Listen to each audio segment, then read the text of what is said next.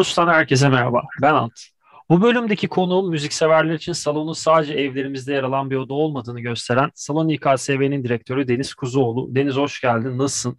Yorucu ve yoğun bir sürecin ardından kırmayıp geldiğin için de ayrıca teşekkür ederim. Merhaba Ant, hoş bulduk. Ee, rica ederim, zevkle katıldım. Baltazar'la beraber o İKSV'ye en azından salon olması da gezgin salonlu hasretimiz ufak da bir gidermemizi sağladığın ekip, sen ve ekibin. O da ayrı bir bizlere evet ya galiba hayata yeni yeni dönüyoruz hissi de verdi.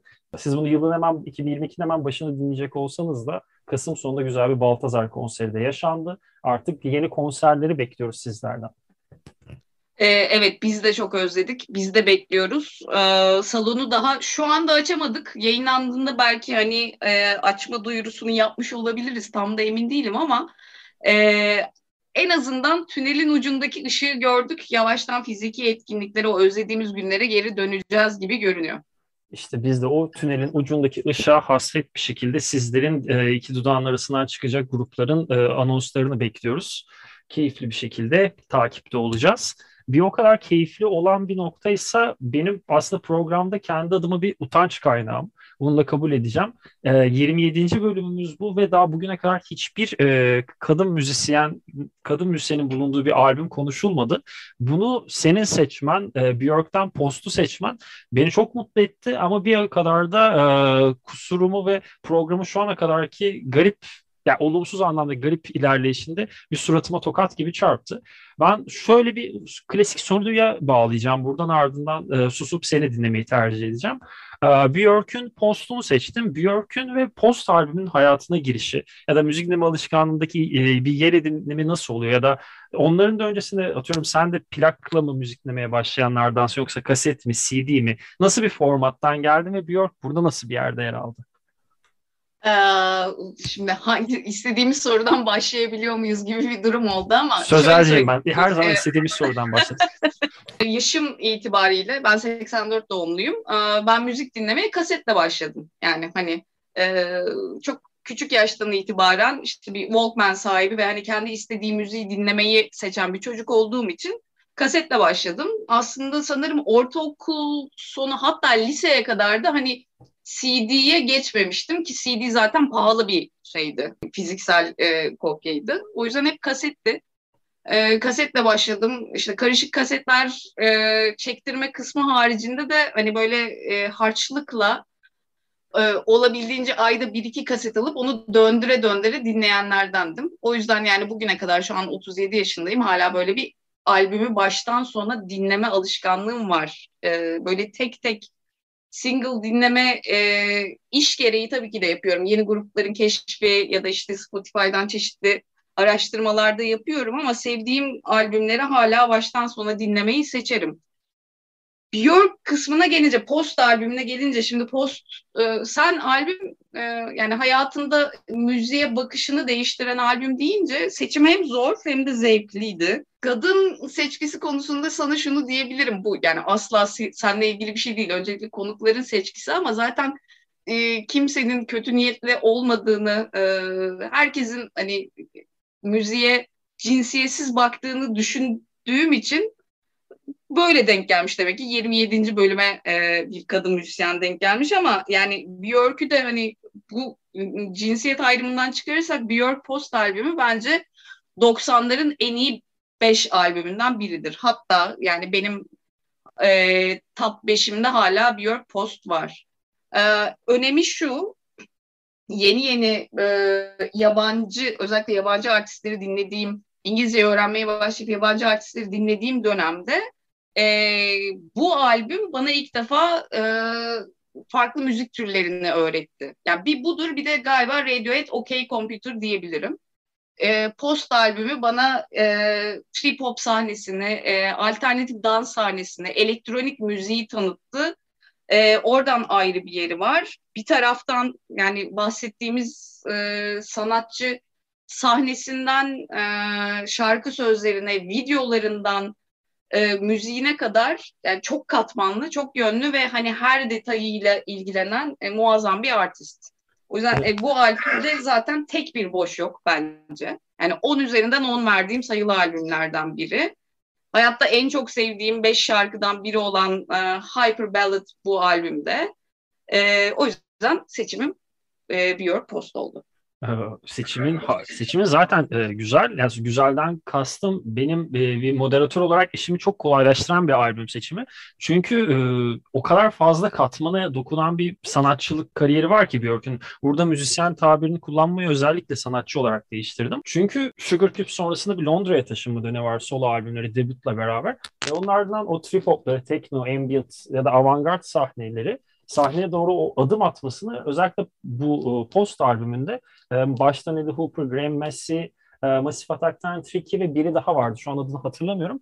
Onlarla çalışıp bir müziğin içinde kendine bir farklı katmanları ve farklı e, sahneleri dahil ediyor. Yani Post e, şimdi debut albümünden sonra Post en yani büyük patlaması aslında Björk'ün ve ya o dönem çalıştığı insanlar diyeyim yani müzik sahnesinden beyaz perdeye kadar e, bu albümde işte bir Michel Gondry ile Hyper Ballad, Michel Gondry. It's Also Quite da mesela Spike Jones e, videonun çekimi. Evet. Bu esnada böyle e, çalıştığı modacılar, ya bu albümün kapağında mesela giydiği ceket Hüseyin Çağlayan'a ait. Hani evet.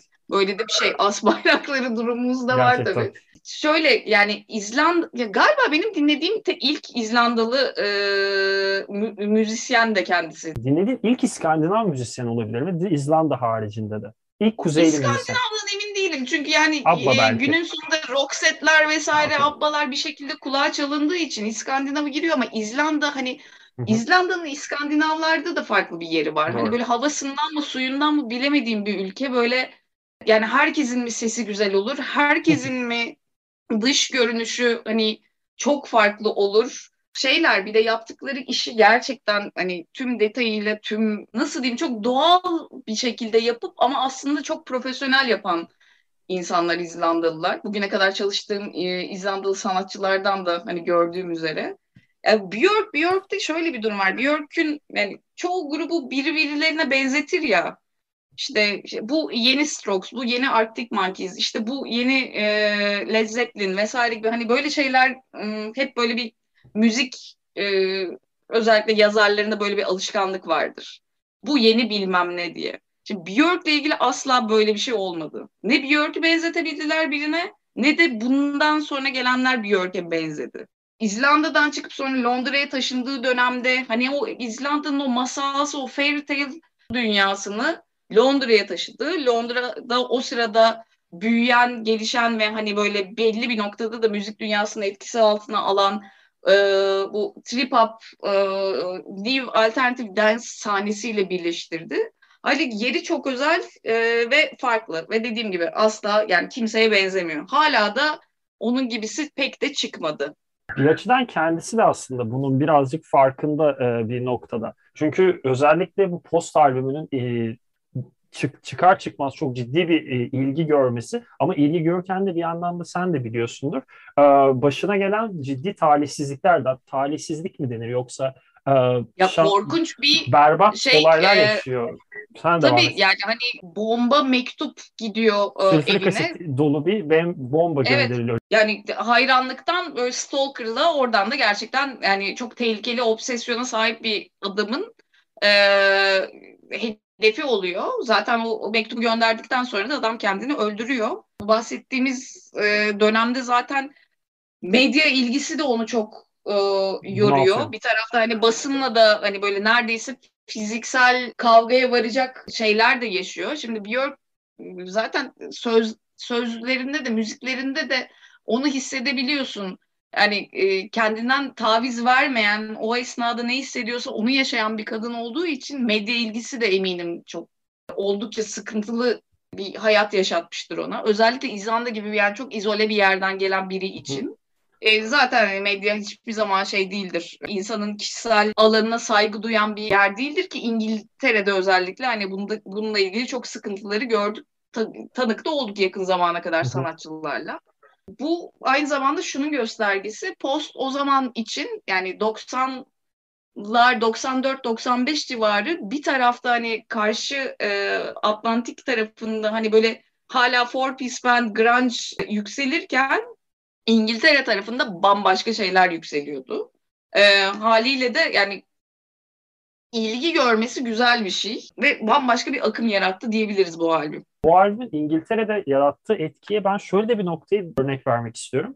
Mesela Amerika'dan bahsederken grunge gruplarının yaptığı müzikler işte Pearl Jam'in, Nirvana'nın, Alice in Chains'in vesairenin performanslarının bir şekilde hala e, ana akımın zirvesini e, kapatabilecek şekilde önde olduğundan bahsettim. Ama İngiltere'ye geldiğimizde işte Britpop aslında çok da uzak bir tür değil bir açıdan baktığımızda e, grunge'a. En azından müzikal te- temel olarak. Ama e, Björk'ün yaptığı müzik e, bir yandan zaten trip hoplar, portisetler, ne bileyim masif ataklar ya da Apex Twin'ler tam trip hop'a dahil olmasa daha tekno tarafından konuya dahil olsa da ama bunların etkilemesiyle beraber biraz daha böyle rock and roll, daha sonra rock and roll'un da ötesinde daha o Britpop olarak adlandırılabilen en azından ilk bir iki albümdeki Radiohead gibi grupları da bunların da müzikal e, evriminde bence yer oynamış albümlerden biri Post. Yani mesela şunu çok net duyabildim albümü tekrar dinlerken. Army of Me ya da e, neydi? Isobel'i dinlerken, Isobel'de zaten az önce o senin bahsettiğin e, Björk'ün izo, izole olmak istemesi üzerinden bir şarkı bir açıdan. Yine İzlandalı bir şairle beraber o şarkıyı da yazıyorlar. E, bunları duyduğumda çok rahat bir şekilde Amnesiac'taki Tom York'un nerelerden esinlendiğini de duyabiliyor insan. Pablo Honey'deki ya da The Bands'teki grupla Amnesiac arasındaki farkı da bir şekilde orada posta, yani Björk'ün ya da benzer müzisyenlerin nasıl bir yeri de kapattığını da e, duyurabiliyor bizlere. Yani en azından ben öyle düşünüyorum. Belki e, kendi kendime gelin güvey oluyorumdur bilmiyorum ama en azından şöyle bir iki örnek de var. Evet belki Radiohead kadar e, direkt sayabileceğimiz gruplardan değil ama en azından e, bir dönem çok ana akıma e, damga vurmuş gruplardan Evanescence'dan Emily post hayatındaki en geniş yeri kaplayan albüm onu dinlemeseydim büyük ihtimal şu an hiçbir alakam yoktu müzikle diyor. Yani birçok insana direkt teması olan, birçok sanat insana direkt teması olan bir albüm. Müzikle ilgili en sevdiğim şey bu arada kendi kendine gelin güvey olmak. Benim tahminim bu arada şey bu albümlerin benzerliği tahminen e, etkilendikleri isimlerin aynı olması. Ne zaman ki bir müzisyen, bir sanatçı, e, herhangi bir e, şey diyeyim, sanat dalından diyeyim, farklı dalları fark eskiden yeniye hepsini e, böyle özümseyip kendi özgün üretimini çıkarıyor. Orada böyle başyapıtlarla karşılaşıyoruz. Yani Radiohead için de e, özellikle OK Computer'la başlayan süreç bu. E, Björk'te de aynı şekilde. E, Björk'ün Post albümünün kadın müzisyenlerdeki etkisini ben çok net bir kadın olarak şöyle söyleyebilirim. Bu albümü dinlerken yani bir kadının günlük e, ve hani kişisel hayatındaki o tüm e, mutlu, sevinci, kızgınlığı, tehlikeli halini, hezeyanlarını, histerisini bütün şarkılarda hem duyuyorsunuz e, hem dinliyorsunuz. Yani inanılmaz bir şekilde anlatıyor. Yani Hyper Ballad şarkısının güzelliği, şarkı inanılmaz dance bir şarkı. Yani dance hiti olabilecek bir şarkı. Ama sözlere girdiğinizde oldukça karanlık. Army of Me gerçekten şey, e, hani bir insanın yetti kızgınım mı hani sözler kısmı ayrı müzik olarak o güçlü tarafı o yükseltiş kısmı ayrı işte it's also quite mesela yani bir müzikal bu arada hani bayağı 50'ler 60'lardan bir müzikal gibi zaten klibi de öyledir.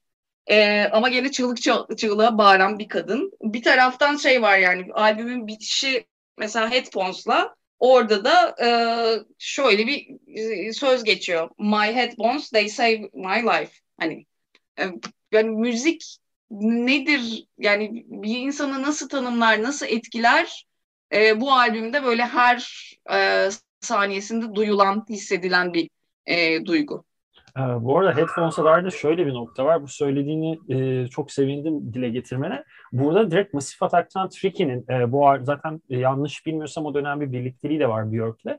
Bu şarkının sözlerinin yazımında Yok, direkt birlikte. Björk Goldie ile beraberdi Goldie sanki. Tricky ile değil. Ben Tricky diye hatırlıyorum ama yanlış Yok, bilme ihtimali çok yüksek. Tamam. Her halükarda bu şarkıda Tricky ile çalışıyor ama onu biliyorum. Bu şarkı Tricky şarkısı evet. Bu şarkının anlatısıyla Massive Attack şarkılarının anlatısının arasında bir benzerlik var gibi geliyordu. Ama az önce Radiohead örneğini verince bir benzerliği daha dile getirip hani Björk'ten konuşurken diğer gruplara çok öne çıkarmak istememiştim. Ama senden bir hafif pas hissedince de değerlendirdim. Onu da söylemiş olayım.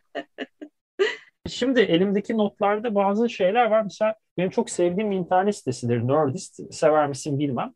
Oradan Andrei Shaw'un bir yazısını okudum e, Björk'ün postuna dair. Ve aslında düşününce çok da mantıklı geldi. Jimi Hendrix'in 67, 66 ya da 67'de e, Are You Experienced'ı nasıl bir dönemin e, 70'lerin ilk dönemi psychedelic'te vesaire bir yapı taşıysa Björk'ün postu da 95 sonrası 95-2005 arası müziğin yapı taşıdır e, gibi bir cümlesi var. Her programda hemen hemen soruyorum. Burada da soracağım. Sende bir de fiziksel kopyası da var plan. E, albümün plak olarak e, yayına girmeden göstermiştin. Ee, sorum şu, albümlerin kapakları senin için ne kadar etkili misal? Yani bir albümü keşfederken ya da bir grubu keşfederken, şu an İKSV, İKSV'de çalıştığın için vesaire. Elbette %80, %90 belki müzik ama o kapak sence önemli değil midir? Merak etme ya da bu albümde bir etkilenmene katkısı oldu mu? Öncelik sıralamasında en başta olmasa da kapaktı, işte e, kartonet tasarımıydı. Bunlar beni hala çok etkileyen şeyler.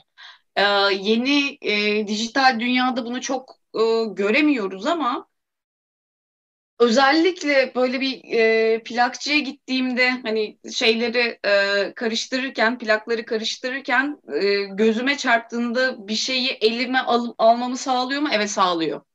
Yani albüm tasarımları, kap, kapak tasarımları bence önemli. Videolar da bir yere öyleydi. MTV'nin video yayınladığı dönem vardı. Şimdi yeni e, son iki nesil bilmiyor ama e, MTV bir ara sadece müzik videoları yayınlayan bir kanaldı.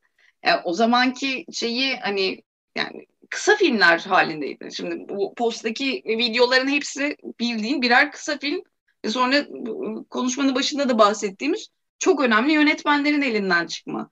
Ee, yani bugün sevdiğimiz çoğu yönetmen reklam ya da zaten müzik videolarıyla şey yapıyor, çıkıyor. Hı hı. Profesyonel hayatlarında bunlarla başlıyorlar. Ben hala şey e, bir albümü yani elimde tutmayı, e, dokunabilmeyi, o kapağı incelemeyi, o kartoneti seven biriyim. O yüzden de hani e, physical release merakım, arşivciliğim devam ediyor. Günümüzde biraz pahalı bir zevk. Şey değil hani e, ucuz bir şey değil. E, biliyorum yani ses sisteminden plaklara kadar ama ya bu, bu benim hayattaki en büyük zevkim galiba. O yüzden evet yani e, kapak tasarım benim için önemli. Renkler, işte onun detayları, sonrasında onunla ilgili ya bu bunu niye yani niye bu fotoğraf ya da niye bu seçim ya da niye bu renkler diye araştırmayı da seviyorum.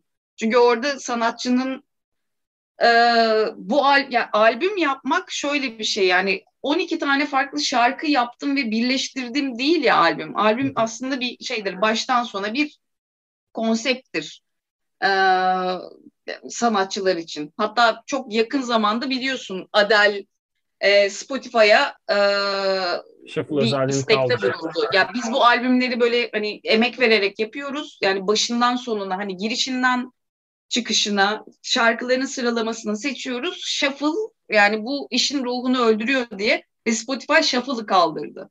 Ya bu dijital dünyanın bir avantajı gibi görünebilir de ama e, sanatçı tarafından gelen bu yorum çok haklı bulundu ki bir müzik sever olarak da haklı buluyorum.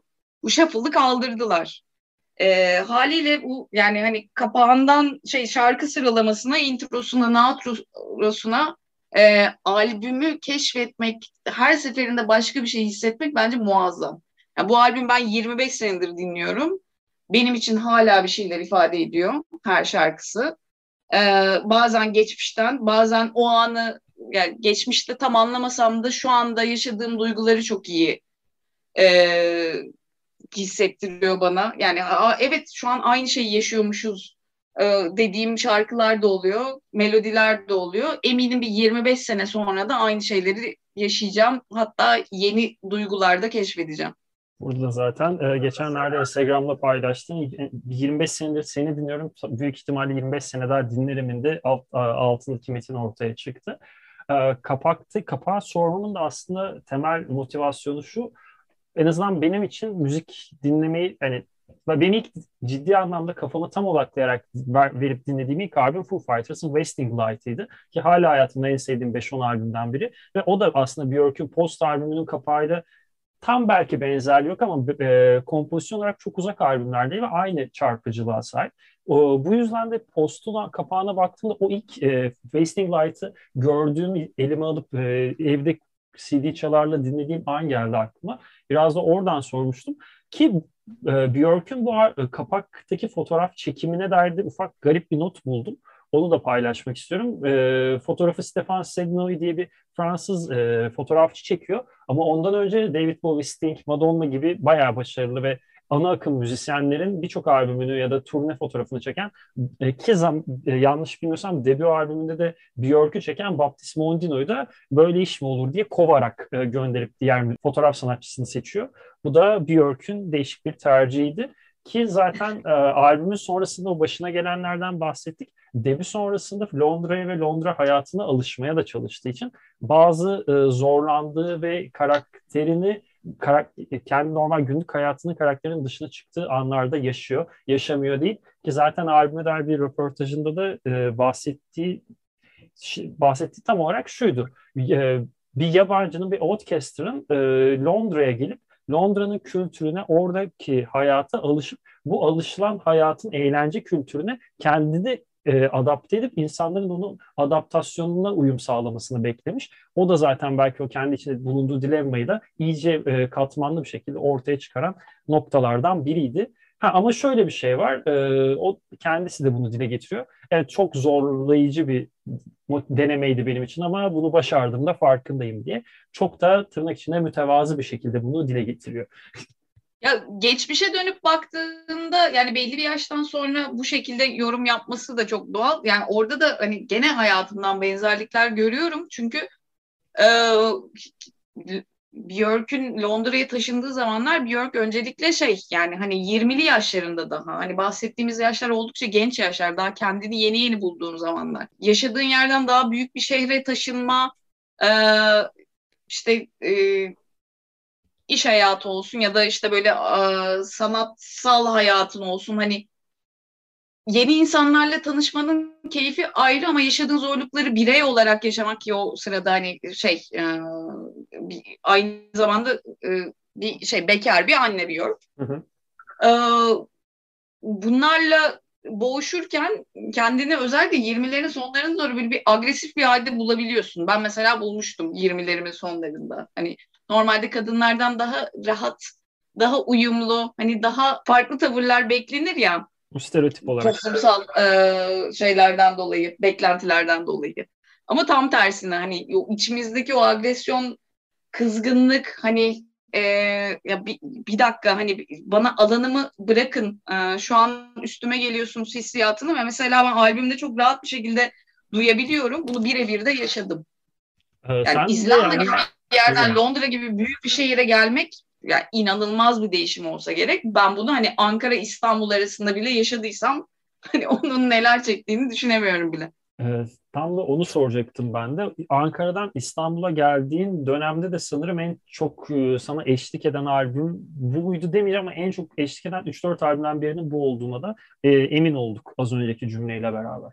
Öyle evet. Peki bu e, albümde Hyperballad olacak büyük ihtimalle cevabı. Bu senin hem müzik dinleme yolculuğuna hem e, şehir değiştirip kendine bir mesleki ve hayatta tutunma yolculuğunda en çok dinlediğin ya da bu albümde bu arada ben de bu soruya genellikle cevap verip vermeyi çok sevmem ama artık formata dönüştüğü için sormak durumundayım.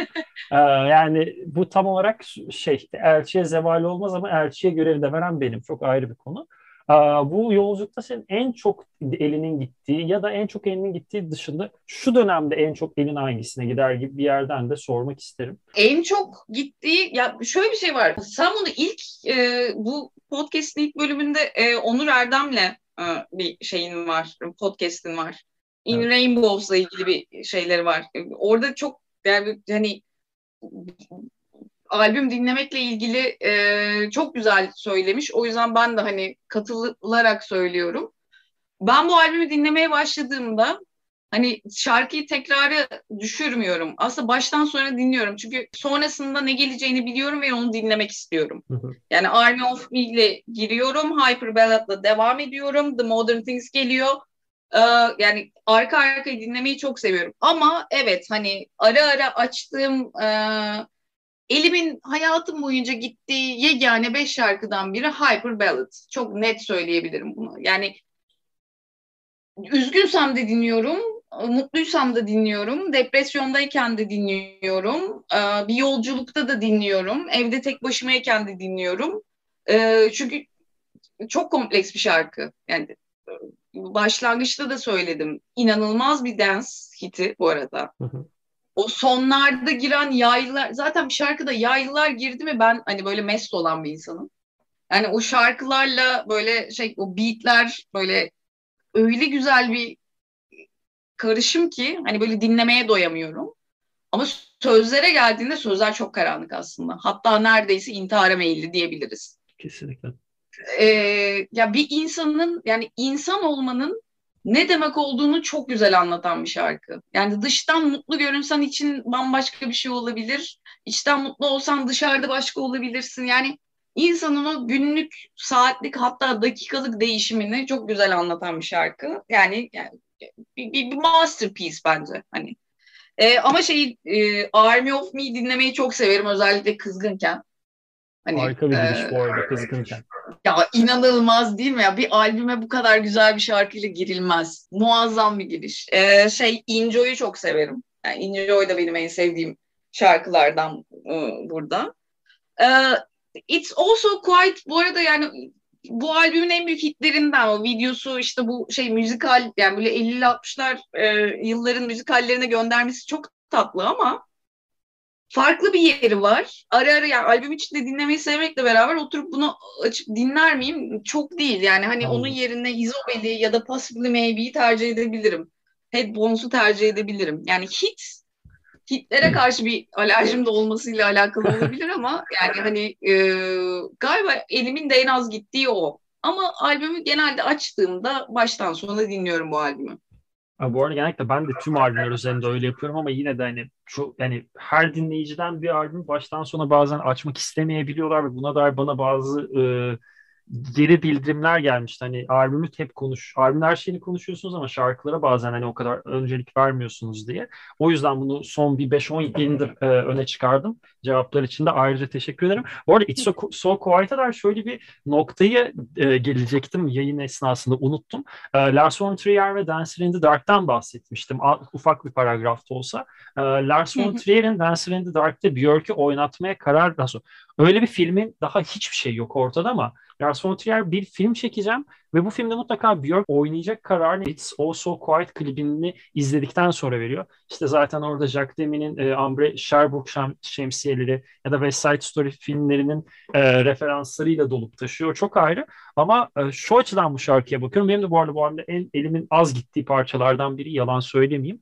Ama yine yine de Dancer in the Dark gibi bence çok iyi bir e, filmin o oluşmasındaki yani en azından Björk'ün o harika Selma performansını ve ardından Selma Songs albümünü de dinlememize e, vesile olması sebebiyle bu şarkıyı da ayrı bir yerden bir sevmiyor değilim. Onu da söyleyeyim. Tabii ki. Yani bu arada şey hani bu kadar yani 10 üzerinden 10 bir albümde hani olabilecek en en az oyu verdiğimiz e, şarkının bile ne, neyi nerelere götürdüğünü düşünürsek yani albümün zaten hani önemi yeterince anlaşılıyor. Kesinlikle. Ya bu arada ya o, o videoda gerçekten hani Björk'ün iyi de bir ya aktris demeyeyim yani orada rol değil o içinden gelerek yaptığı bir şey bence. Hani Aynen. Dancing in the Dark da onun için yazılmış bir part. Onu da e, kabul ediyorum ama hani yine de hani kamera karşısında bu kadar iyi olabilmek ya bu arada sahne personası olarak da muazzam bir kadın Björk. Ee, İzlemiş yani, miydin bu arada? E, izledim. İstanbul'da izlemedim bu arada. İstanbul'da e, geldiği zamanlarda ben Ankara'daydım. E, denk gelemedim ama sonra yani böyle belli bir yaştan e, hem tabii sektörde olmanın verdiği avantajlar var. Bir taraftan da ben hani böyle tatillerini bile festival ve konser için e, şey bütçesini ayıran bir insan olarak ilk şeyde izledim. 2012'de Norveç'te Oya Festivali'nde izlemiştim. Canlı performans yani sanatçı yaptığım işte program yapmada benim için en önemli konulardan biri olduğu için sadece albüm kaydı değil. Ee, iyi bir sahne performansı. Şeyden bahsetmiyorum bu arada. Hani Björk'ün bambaşka bir tarafı var. Bütün detaylarıyla ilgileniyor kostümünden şovuna. Ee, ama yani şeyinden hani performansından yani zaten hani ses olarak da çok unik, çok özel bir insan. Sahnede devleşen isimlerden biri. Yani müzikte benim için artık yani özellikle son 15 senedir diyeyim. e, bu işle de alakadar olmam, profesyonel olarak yapmam sebebiyle de olabilir. Hmm, yani sadece kayıt değil, sahnede de iyiyse benim için iyi müzisyen budur. Harika. Björk'ün bu söylediklerinin e, tam aksini iddia tam aksini talep ettiğine dair bir e, bu, bu albümden bir şarkı sözü var ve kariyerinde dile getirdiği bir söz. Onu paylaşmak istiyorum izninle. Uh, Enjoy'da I Wish Simplicity diyor ve bütün uh, hatta yayından önce Fransız birkaç televizyona yaptığı röportajı izledim. Hep bu cümle üzerinden gidiyor. Ama müzik personası, sahne karakteri ve hayatının en azından özel hayatının dışında daha görünür taraftaki karakteri tam olarak da bunun tersinde. O çift katmanlı karakteri de bir o kadar ilgi çekici bana sorarsan. Björk'ün ve yani ben izleyemedim sahnede. Ee, İstanbul zaman İstanbul konserinde de daha Björk'ü bilmiyordum. Çünkü gerçekten küçüktüm. Ama olsun. Tabii çok Aa, uzun zamandır oldu. Yani Simplicity'den kastını da bir konuşmak lazım. Çünkü şöyle ki. bir şey var. Ben personasının sahnedeki personasının kendi karakterinden ayrı olduğunu düşünmüyorum. Hmm. Ee, yani o şey delilik deniyor ama aslında tam delilik değil. Hani bambaşka bir dünyası var ya Björk'ün kendi yarattığı. Hani kendi böyle hayal e, masalsı ormanlardan e, işte şey hani gerçek dünya yani uzaylı dünyalı arasını. Zaten bence o öyle. Hani Simplicit'ten kastı da ya ben olduğum gibi olmak istiyorum da e, denilebilir. Ben mesela onun bu açıklamalarını böyle algılıyorum. Ama bu güzel. senle konuştuğumuz e, kendi kendine gelin güvey olmak kısmı var ya müzikle ilgili. Hani o yüzden şarkı sözlerinin anlamlarına da çok bakmam ben. O esnada bana ne ifade ediyorsa o şekilde dinlemeyi, e, okumayı daha çok seviyorum. Ama bence şey yani e, Björk bence bir şey değil yani sahnede yaptığı şey bir act değil. E, çok samimi. Yani bence o zaten öyle biri. Hani. Harika. E, canlı izleyemediğim için YouTube'dan görebildiğim kadarıyla daha belli olmaz. Belki gidersin şey yani hani buraya işte, gelir. Belki sen artık bir onu gidip görürsün Umarım. gibi gibi. Yani bir şöyle bir şey var. Hayattaki en büyük tutkularımdan biri sevdiğim e, bir sanatçıyı hani bir şekilde işte böyle 3-5 biriktirip şey yapıp hani gidip görmek. Hani benim için bu mesela. İşte, konuşmanın başına bahsettim ya benim için önemli albümlerden biri Foo Fighters diye. İzleyemedim. E, benim için e, benim için de şey mesela hani Dave Grohl mesela çok özel bir adam. Benim bir numaram hani, olabilir ya. Yani, yani böyle sevgi şey, ve e, hayranlık bakımından bir numara yani. E, ya oturup kendisiyle bira içmek istiyorum öyle diyeyim. Yani beni tanıyan herkes bilir. Bu arada yani gerçekten hani buradan çokça seyahat etmişliğim de var şey hani gidip görmek için ve sahneye çıkıp 3 saat çalan rock and roll grubu zevki gibi az şey var bu dünyada. İnanılmazlar. Foo Fighters gerçekten benim için tam o noktayı kapsayan bir grup. Yani müzikle ilgilenmeden tut, müzik kendimce yapmaya çalışmayı bile davul çalmaya çalışmıştım bir daha lise zamanlarında. Dave Grohl izlemenin, fazla Dave Grohl sevmenin yan etkileriydi de Björk'ten rol çalmayalım şimdi Dave Grohl diye. Bir gün belki tabii, Foo tabii. Fighters seçen biri gelir ona Foo Fighters'ı saklarım ne yapalım. Aa, benim elimdeki notlar galiba bitti ya da bit çok az bir şey kaldı ama hani aralarında çok detay hani girmesek de olacak yerler var. Senin benim nasıl konuştuğumuz konular haricinde eklemek istediğin ya da konuşmayı akış anında unuttuğumuz bir şeyler var mı? Varsa onları seve seve devam edelim. Ya sanırım albümle ilgili tüm hislerimi yeterince belirttim. Yani hani e, ek bir şey söyleyebilir miyim? Ya bu albümle ilgili çok şey söylenir ama bir taraftan da bazen e, şey de geliyor bana yani hani bir şey söylemek de haddime değil gibi geliyor. Öyle bir albüm. Yani hiç e, ya benim ben bilmem diyor ki bana da yani hiçbir zaman çekici gelmedi diyen bir insana tek diyebileceğim şey ya bu albüm bir dinlesin. Baştan sona bir dinlesin, bir şans versin. Hani böyle şeylerde konservatuarlarda okutulması gerekecek derecede özel ve güzel bir albüm bu. Hani klasik müzik seven biri de bu albümde kendinde bir şey bulabilir.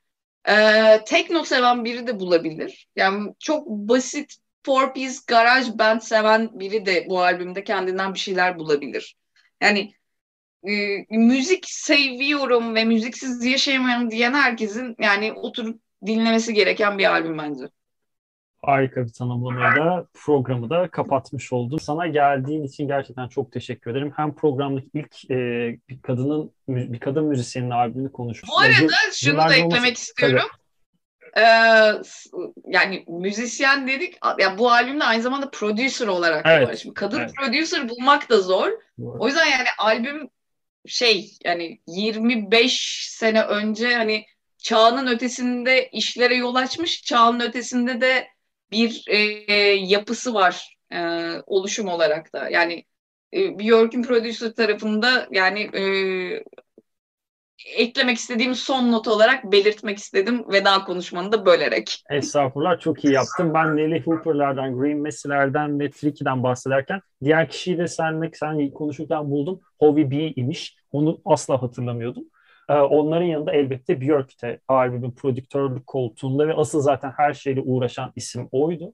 Geldiğin için tekrardan çok teşekkür ederim. Yani yıllardır değil belki yaşım sebebiyle ama ilk benim ilk salona geldiğim konser 2017 kışında Modi konseriydi. İki akşam üst üsteydi. İlk benim geldiğim salon o günden salona ilk gelişim odur ve o, o günden beri e, az buçuk bildiğim veya ilgimi çekebilecek ne varsa bütün üniversite harçlıkları, biriktirilen çalışmalar, bütün yazı telifleri size gitti.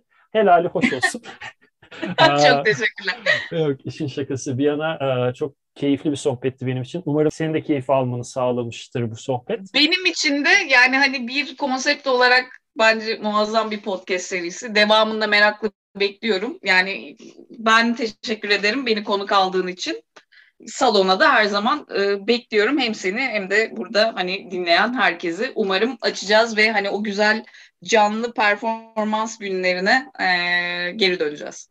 Umudumuz o yönde. Bu çok güzel dilekle de tamamlamanın ardından sizlere de programı dinlediğiniz için çok teşekkür ederim. Korus yeni bölümlerde yeni konuk ve albümlerle devam edecek. Kendinize iyi bakın. Hoşçakalın.